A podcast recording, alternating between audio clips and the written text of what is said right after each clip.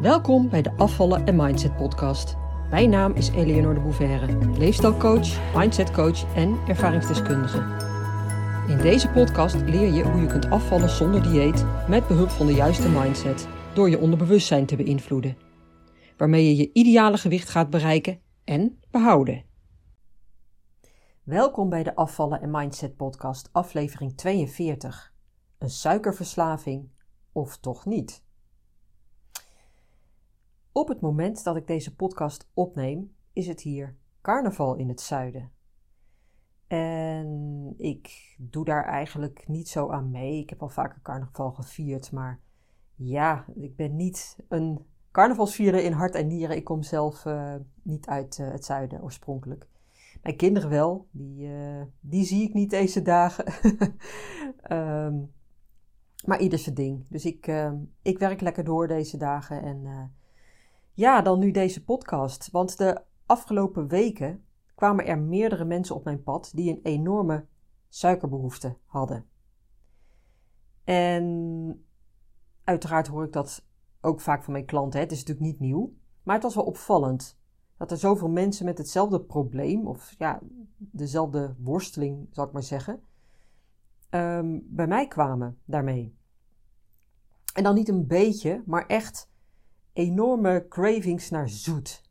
He, chocola, koek, gebak, snoepjes, drop.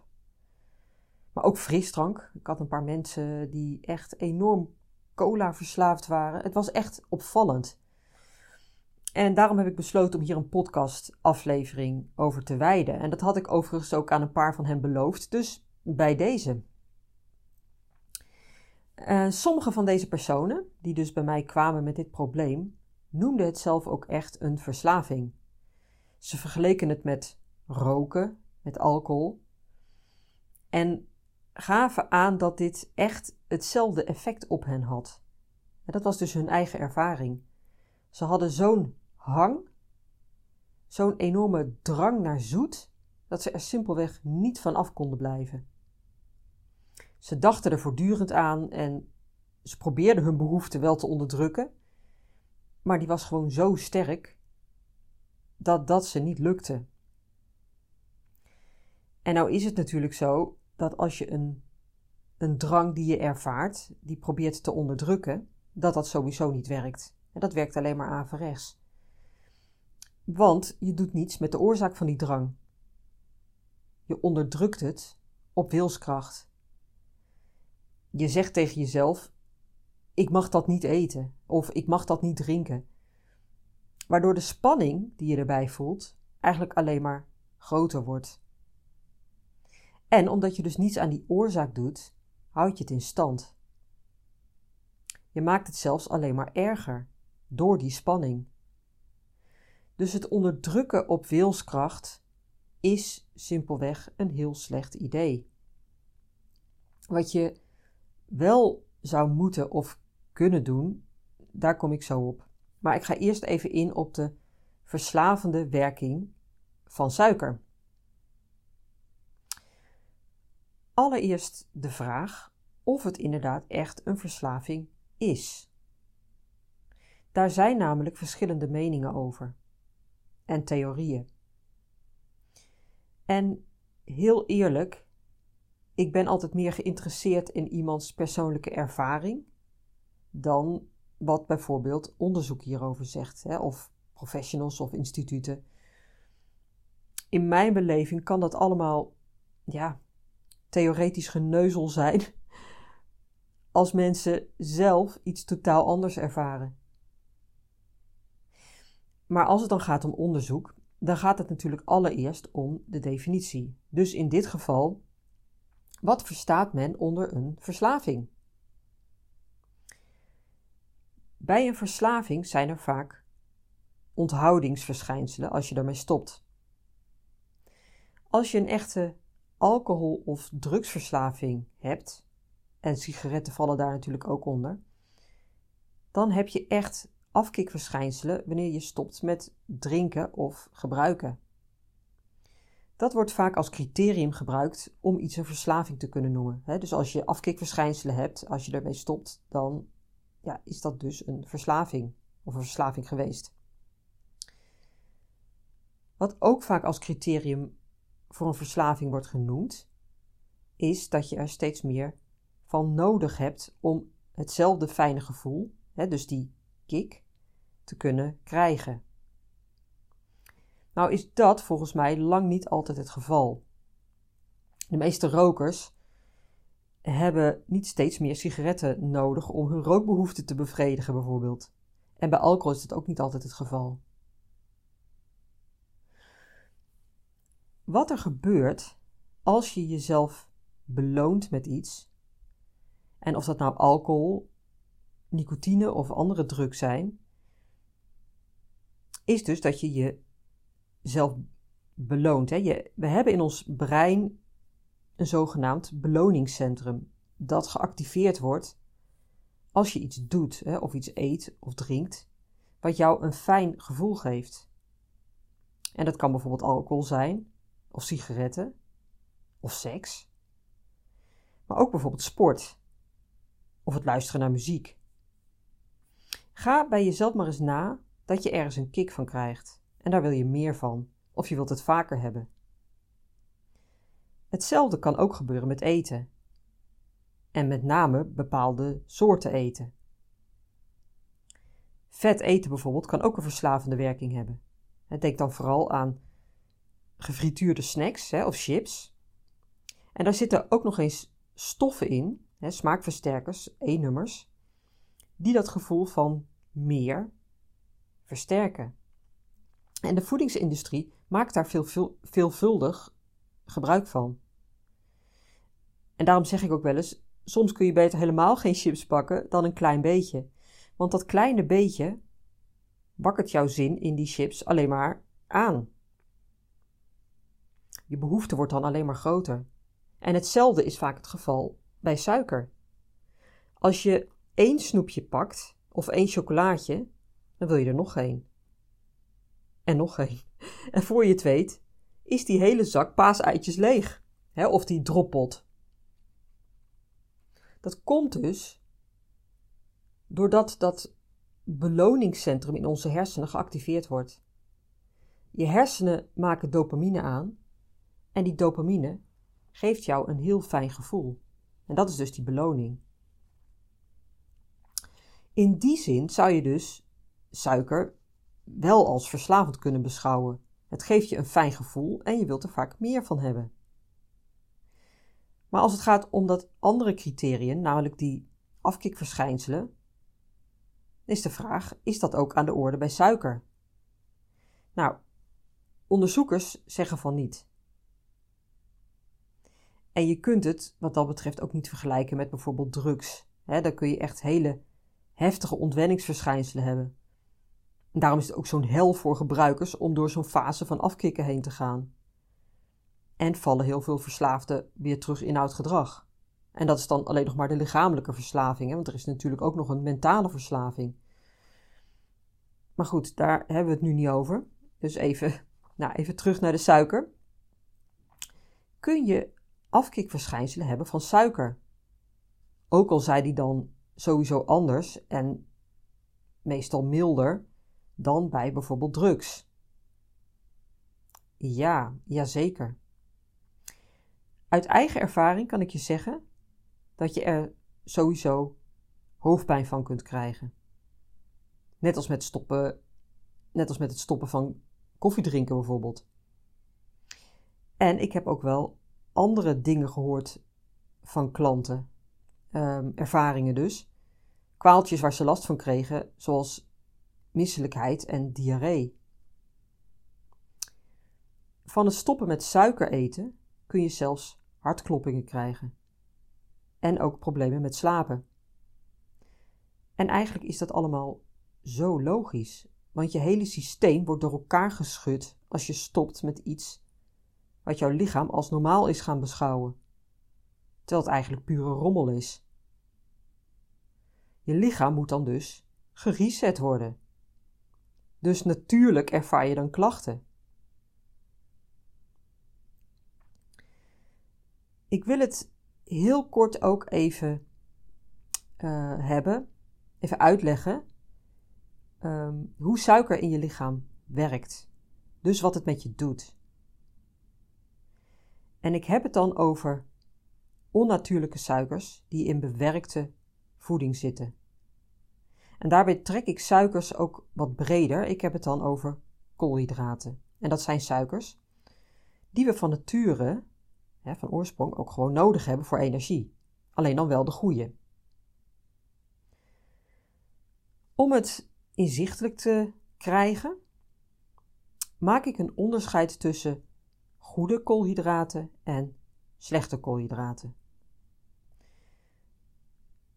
Goede koolhydraten, dat zijn de cellulaire koolhydraten. En dat betekent dat de cel nog heel is, hè, dus intact. En die zitten in natuurlijke voeding. Denk aan groente en fruit. Bij het eten van dit soort voeding komen er enzymen vrij in je speeksel en in je dunne darm, die ervoor zorgen dat ze langzaam verteerd worden en daardoor ook heel langzaam in je bloed terechtkomen. En de delen die niet verteerd worden, komen in je dikke darm terecht en vormen daar een voedingsbodem voor goede darmbacteriën. Nou, dat is allemaal prima dus. Oké, en tegenover die natuurlijke goede koolhydraten staan dus de onnatuurlijke koolhydraten. En dat zijn acellulaire koolhydraten, waarvan de cel kapot is gemaakt. En dat komt omdat het bewerkt is. Doordat die cellen kapot zijn, worden ze heel makkelijk en snel afgebroken. En komen ze ook heel snel in ons spijsverteringskanaal vrij. Dus eigenlijk al in het eerste deel, in je mond en je maag en in je dunne darm. Daar vormen ze een voedingsbodem voor slechte bacteriën. En je raadt het al, daardoor kan er een overgroei aan bacteriën plaatsvinden. Zeker als je ze heel vaak eet. En hierdoor ontstaat bijvoorbeeld ook een slechte adem. Maar onder andere ook laaggradige ontstekingen in je lichaam. Nou, daar zal ik ook niet te veel op ingaan, maar weet in ieder geval dit. Laaggradige ontsteking is de oorzaak van de meeste klachten, kwaaltjes en ziekten. En de meeste mensen hebben laaggradige ontstekingen. Nog even terug naar die acellulaire koolhydraten. Dat zijn eigenlijk dus de snelle suikers die razendsnel worden opgenomen. En die zorgen voor een snelle stijging, hè, dus het pieken van je bloedsuikerspiegel. Maar ook voor een wildgroei aan slechte bacteriën dus. Wat kan leiden tot, nou, onder meer een opgeblazen gevoel, winderigheid en een verhoogde doorlaatbaarheid van je darmen. En misschien heb je wel eens gehoord van een leaky gut, hè, oftewel een lekke darm, wat die laaggradige ontsteking weer in de hand werkt. En hierdoor ontstaat leptineresistentie. Nou, en nou komen we bij leptine.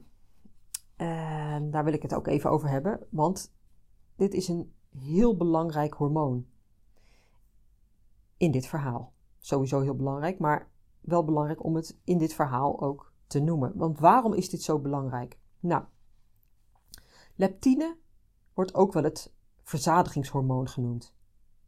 Het zorgt voor verzadiging op de langere termijn. Het geeft een signaal af aan je hersenen dat er voldoende energie aanwezig is. En het zegt dus eigenlijk: je mag stoppen met eten, want je hebt nu genoeg. Nou, dus heel handig natuurlijk als dat werkt. Hè? Dat, je, dat je hersenen het signaal krijgen dat je genoeg hebt gehad en dat je dus dan stopt met eten. Daartegenover staat het hormoon ghreline. Dat jouw brein vertelt dat er niet genoeg brandstof is en dat je dus moet gaan eten. Nou, ook helemaal prima natuurlijk als dat goed werkt. En idealiter zijn die twee hormonen met elkaar in balans. Maar bij veel mensen is dat niet het geval. Wat veroorzaakt kan zijn door bijvoorbeeld mm, het volgen van veel diëten. Maar ook door het eten van veel suiker. En daarmee bedoel ik dus die sterk bewerkte producten waar ik het net over had. Want wat nou als je hersenen dat signaal niet meer kunnen oppikken?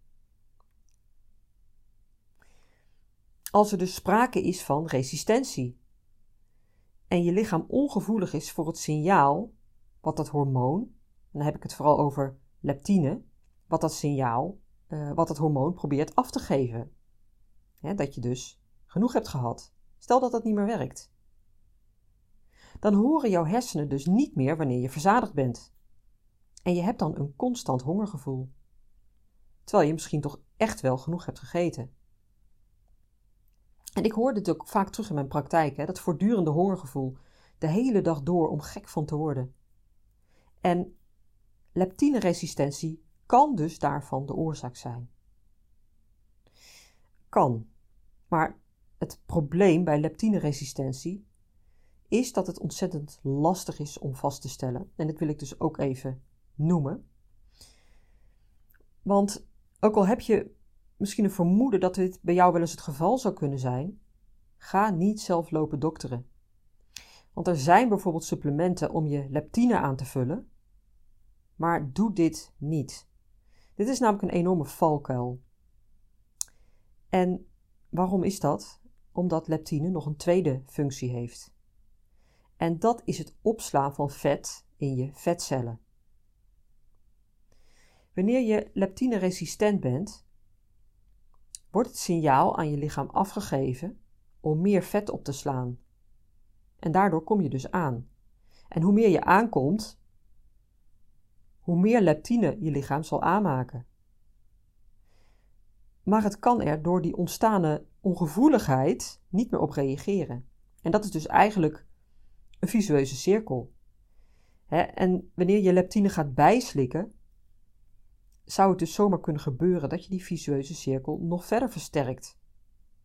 Want nog meer leptine zorgt ervoor dat je lichaam nog meer vet gaat opslaan.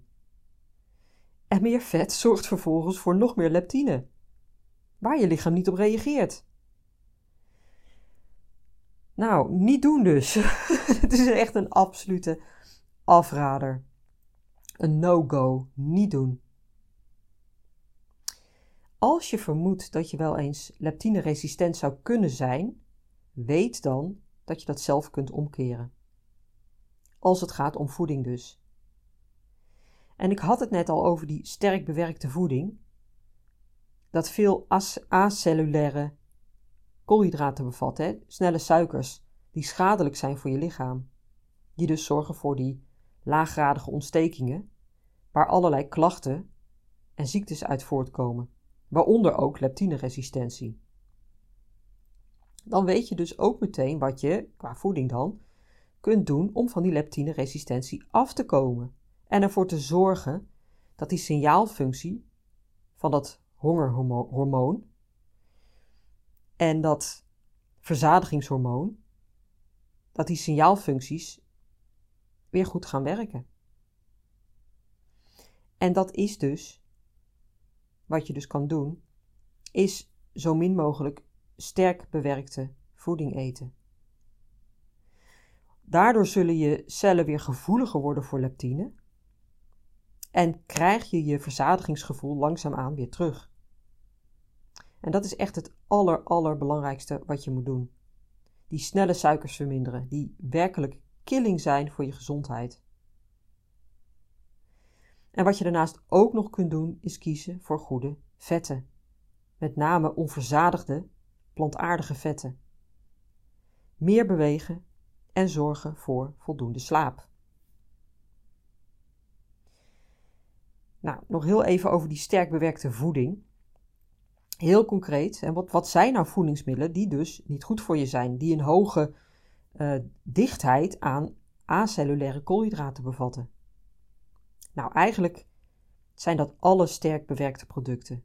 Denk aan um, cake, chips, uh, rijstwafels, witte rijst, granola bars. Maar ook gewoon brood. Ja, ook brood. En dat brood, dat is iets wat veel mensen maar niet kunnen snappen. Merk ik in mijn praktijk ook. En dat is logisch natuurlijk, want het is zo gewoon geworden in onze cultuur dat we het simpelweg als gezond zijn gaan beschouwen. En begrijp me niet verkeerd, hè? ik zal nooit zeggen dat je absoluut geen brood mag eten, maar weet wel wat het met je doet. En bedenk ook altijd, het gaat om het totaalplaatje. Als je voortdurend of echt heel veel van dit soort sterk bewerkte producten eet, dat is vragen om problemen. Laaggradige ontsteking, hè, een, een, constante hoge bloedsuikerspiegel, waar ja, diabetes type 2 natuurlijk weer uit voortkomt of mee samenhangt. Maar dus ook een suikerverslaving. Want je lichaam blijft er maar om vragen. Want het krijgt niet wat het echt nodig heeft. En waarmee het voor een langere periode verzadigd is. En dus blijft het zeuren, als een klein kind. geef me nog meer. Ik wil nog wat. En je voelt dus ook echt die craving naar suiker. En dit kan dus ook losstaan van eventuele leptineresistentie. Die hang naar suiker, naar snelle koolhydraten, naar snelle bevrediging, wat overigens ook kan samenhangen met hè, wat ik noem het schijnhongersyndroom. Als je gevoelig bent voor snelle suikers, en heel veel mensen zijn dat, dan ervaar je ook echt die kick van suiker, van snelle koolhydraten. En schijnhonger kennen we allemaal wel. Het is geen echte honger, maar vooral zin in zoet. Of in snacks, of wat dan ook. Meestal die sterk bewerkte voeding. Waar je lichaam om vraagt. En dat kan dus een verslaving worden als je daar maar vaak genoeg aan toegeeft. Daarmee maak je het tot een patroon. En als dat patroon sterker wordt, wordt het ook jouw realiteit, jouw waarheid. Je gelooft dan dus ook echt steeds dat je daadwerkelijk honger hebt. Het is dan een overtuiging geworden.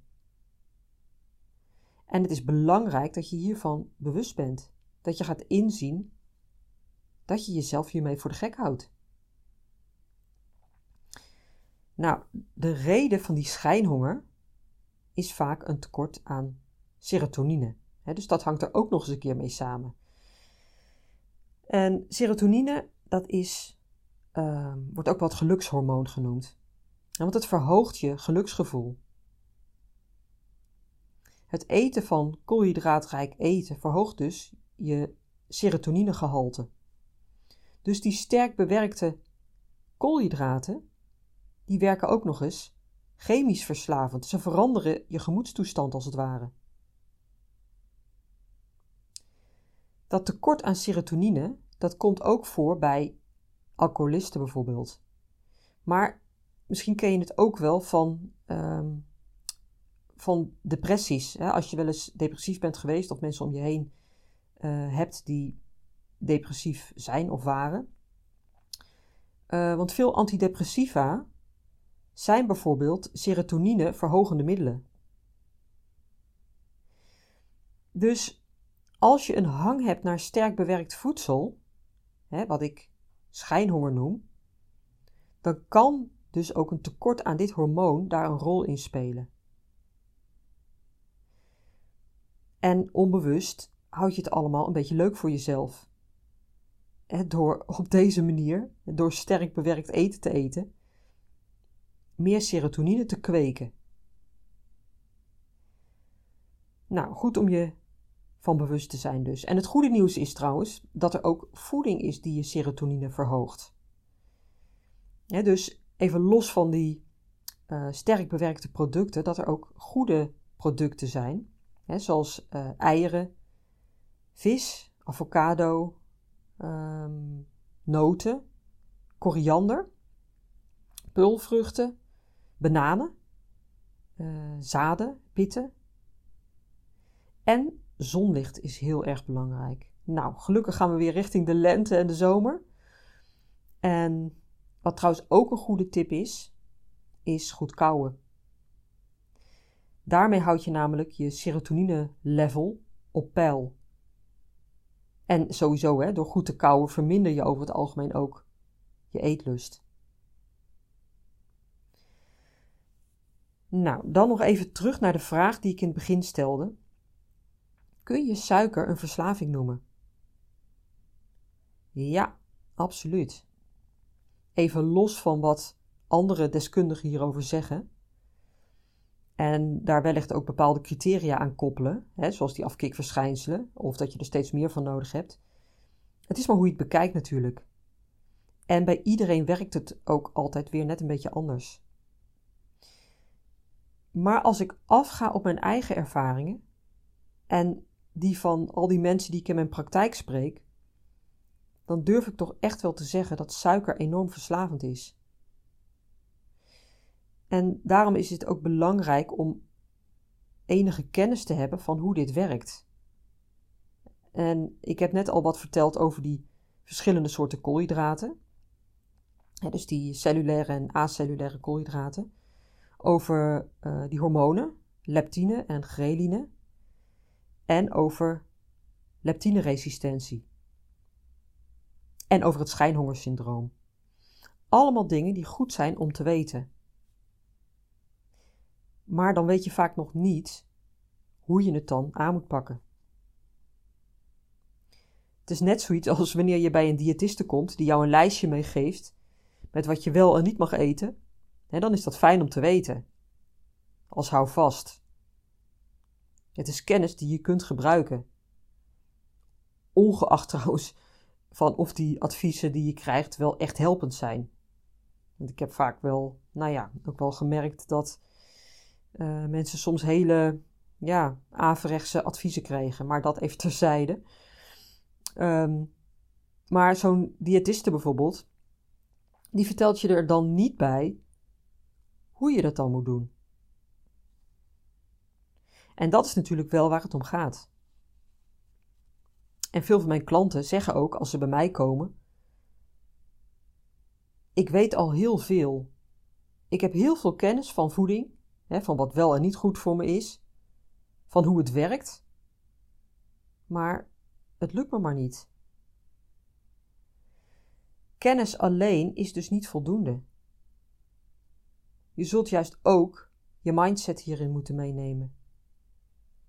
Rekening houdend met bijvoorbeeld een suikerverslaving. Maar waar komt die verslaving vandaan? En dan heb ik het niet over de fysieke kant van het verhaal, maar over jouw patronen. De gedachten, de emoties, de gewoontes, de gedragspatronen die je ontwikkeld hebt. Als je daar niet naar gaat kijken, dan kom je al snel van een koude kermis thuis. Dan is het net als bij een dieet, dat je wat adviezen opvolgt en jezelf wat regeltjes oplegt, maar de onderliggende mechanismen blijven gewoon in stand. Dat heeft dus eigenlijk geen enkele zin. Het is een tijdelijke oplossing die alleen maar tot nog meer frustratie leidt. En niet tot hetgeen waar je zo naar verlangt. Blijvend gewichtsverlies. En een einde aan je strijd met eten. Als dat is wat jij wilt, en waar je zo naar verlangt, dan nodig ik je van harte uit voor een goal sessie. Uh, dat is een eenmalige sessie van 40 minuten, online of in mijn praktijk. En die is tijdelijk ook heel voordelig. Een beetje afhankelijk van wanneer je deze podcast luistert natuurlijk. Maar check even uh, mijn website. Het staat onder het kopje Werk met mij, dus afvallen zonder dieet.nu. En dan onder het kopje werk met mij. En dan goal sessie. En op basis van de antwoorden die jij van tevoren geeft op een aantal vragen die ik je stel, kan ik je dan in die sessie al gericht advies geven. En verder, um, als jij met je verlangen aan de slag wilt en echt uh, ja, dit probleem, die strijd met eten, wilt oplossen. En ja, een slank lichaam wilt, um, dan is dit wellicht ook heel interessant voor je. Ik start eind maart weer met een groepsprogramma. Of eigenlijk twee groepen. Uh, de ene is online via Zoom op 10 woensdagavonden. En tot de zomervakantie zijn we dan bezig.